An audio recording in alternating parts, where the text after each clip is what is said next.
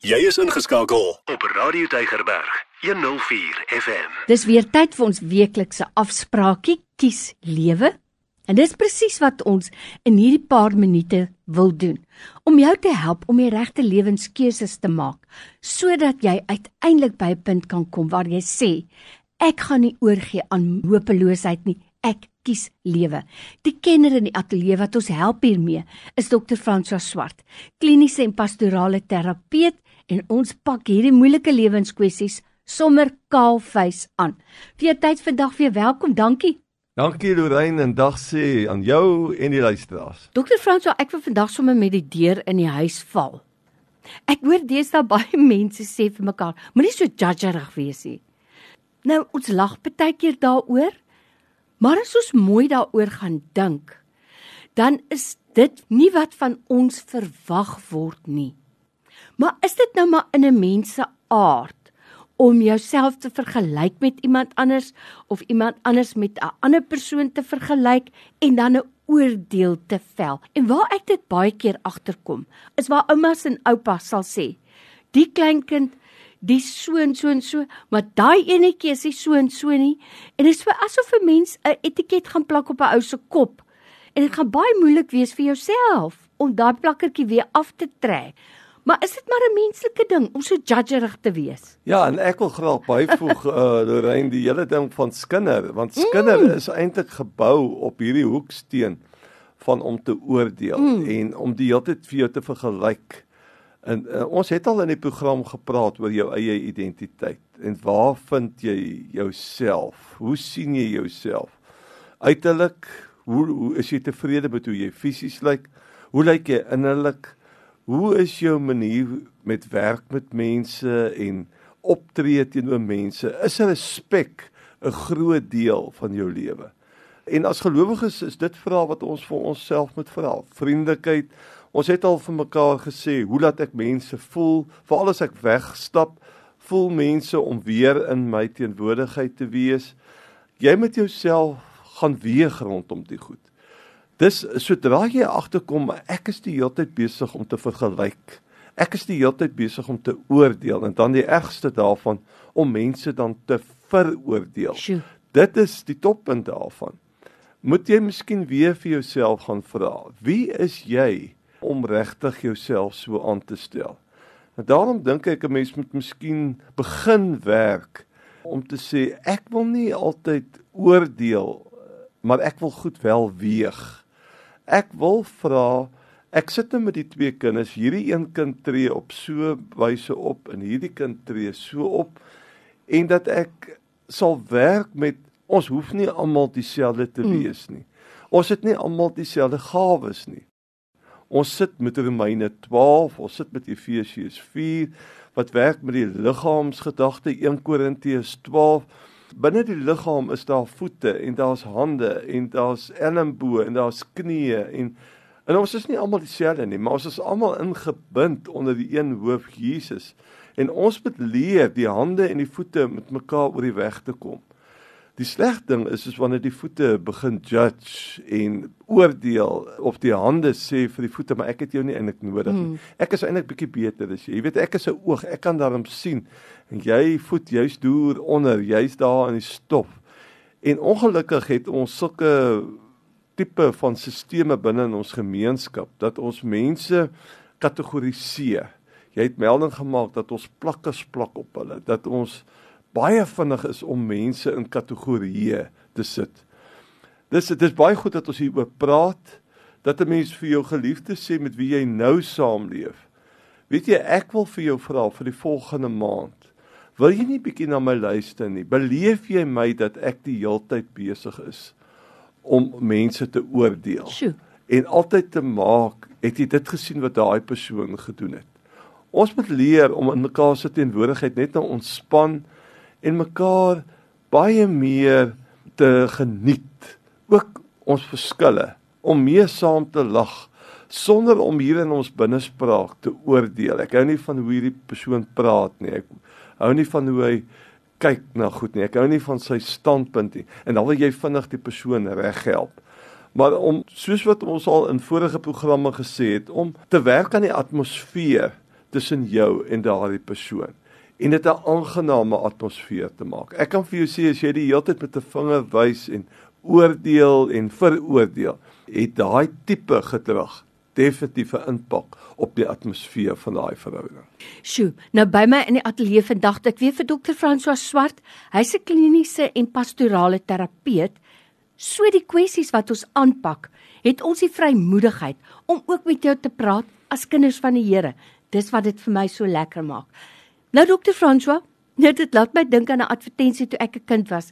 Dan sê die mense, "Totsiens, totsiens." Nou hoor jy, daar gaan die kuiergaste. Kwaas slaan die deur toe. Vroom, daar ry die kar.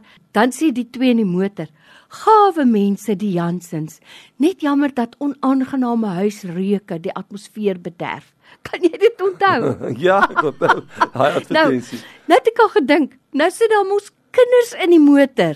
So wat leer 'n kind daarbey? Of jy voordeur slaan toe en ma en pa sê, "Het jy gesien die of het jy gesien daai?" So kinders leer dit ook maar iewers, nê? Nee. Hoe kan ons 'n goeie voorbeeld stel vir ons kinders sodat hulle dit nie by ons erf om so judgerig te wees nie? Ja, ek dink ons as ouers het 'n geweldige taak want die kinders modelleer op ons mm. en hulle sit daar agter in die kar met groot ore mm. en groot oë mm. luister hulle oor hoe pappa en mamma nou die afgelope mm. kuiertjie by die Jansens byvoorbeeld uh, nou geëvalueer het en en wat hulle sê daaroor. En voordat jy weet, plaas jy die saad van oordeel binne in hulle. En uh, ek het hou altyd van die taal gebruik om te sê wat is jou lekker vanaand by by hierdie gesin? Mm. Wat het jy geniet en so wat uh, wat kan 'n mens leer daaruit om baie pertinent taal te gebruik waar jy sê ek ek sou dit nie heeltemal so doen nie. Maar as dit vir hulle werk, is ek bly vir hulle. Dis ek dink waaraan ons baie meer moet werk en en dit lê baie sterk in die woord. Veral Paulus se briewe het alles te doen met konflik gehad. Mm. Is dat ons moet rustiger raak oor verskille. Mense hoef nie presies soos ek te dink mm. en dinge presies soos ek te sê en presies soos ek te ervaar. Dis reg as hulle dit bietjie anders te sien. En ek moet dit vir hulle gun. Omdat 'n persoon nie presies soos ek voel oor 'n ding. Nou plak ek iets op hom en sê, jy weet, uh, hy kan nie deel van my vriendekring wees nie. Ek voel nie tuis by hom nie. Ons moet ontspan uh, in terme van verskille en sê dit is nie heeltemal wat ek sou wou doen nie, maar ek is bly as dit vir jou werk. En ek dink die kinders sal dit ook by jou vat mm. en ook begin so leef dan. Kom ons praat nou met kinders van die Here oor waaroor ons mense oordeel en of dit ewigheidswaarde het. Kom ons praat daaroor. Ja, ek dink uh, ons is baie keer krities in terme van wat is die klere wat mense dra. Ons is krities oor hulle haarstyle, die manier hoe hulle praat, dalk wat hulle eet en hoe hulle eet, uh na watter plekke toe hulle gaan. Uh baie keer voel ons maar dit is nie my manier van doen nie en omdat dit nie inpas by my skema nie daarom is hierdie mense nie deel van my nie terwyl as ek kyk na Jesus Jesus het juis na, na die randfigure toe gegaan mm. hy het juis na die ouens gegaan wat so bietjie met alkohol te mekaar was ons ons dink aan die tollenaars dit, dit was ouens wat bietjie onwettig omgegaan het met geld en hulle self bietjie verryk het. Jesus het juis met hierdie mense, selfs in die tempel het hy met met fariseërs gesit en net vragies gevra en bietjie met hulle gepraat.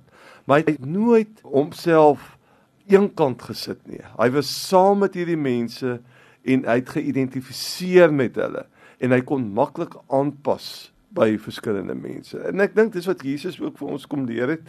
Jesus kom was ons voete, maar hy's die koning wat soos Filippense 2 sê sy hemelse bestaan prys gegee het en onder ons kom woon het. Ons moet leer om vir mekaar te word en te wees. En terwyl ek besig om vir 'n Griek 'n Griek te wees en vir 'n Jood 'n Jood en so aan, hoef ek nie my eie posisie noodwendig prys te gee nie. Mm. Maar soos jou verhaal lei, soos wat jy kan sê hoe jy die lewe sien, So wil ek ook 'n kans sê dat ek ook kan sê hoe ek dit sien. Mm. En gun my ook op my standpunt en as jy regtig voel ek is besig om heeltemal suid en skeef te raak, dan moet ons daaroor praat want mm. ek het ook 'n verantwoordelikheid om vir jou toe kom sê, weet jy, is dit dalk die beste roete wat jy gekies het? Want ons moet mekaar se laste dra, ons moet mekaar reghelp, ons moet mekaar ook help om die smal weg te loop, maar met vreugde en blydskap. Veral as ouers met tieners werk, mm. hulle het 'n oop agenda, hulle wil alles ervaar. En mense moet verstaan, ons almal was jonk, maar daar moet altyd 'n geleentheid wees. Nou jy het dit nou ervaar. Kom vertel vir my, hoe het jy dit ervaar? Wat het jy geleer uit dit uit? En so word dit nie 'n argument ek is beter as jy, ek is reg jy weet nie waaroor die lewe gaan nie. Maar dit gaan oor 'n wederwysige gee van hoe ek die lewe ervaar en ek wil graag hoor hoe jy die lewe ervaar vanuit jou wêreld uit. En dit kan verrykend wees na albei kante toe. Dokter Frans, ek weet ons het van tevore al gepraat daaroor en ek sê sommer vir ons luisteraars ook, gaan loer gerus op die webtuiste myhulp www.co.za en dan gaan jy sommer van ons programme ook kry. Sjoe, so wonderlik, so waar, kosbaar. Die tydjie wat ons saam geniet. Dit beteken vir my verskriklik baie. So dokter Franso, ek waardeer dit. Baie dankie. Dankie Lorraine, is altyd lekker om saam met julle te kuier. Elke dag jou nommer 1 keuse. Radio Deugerberg 104 FM.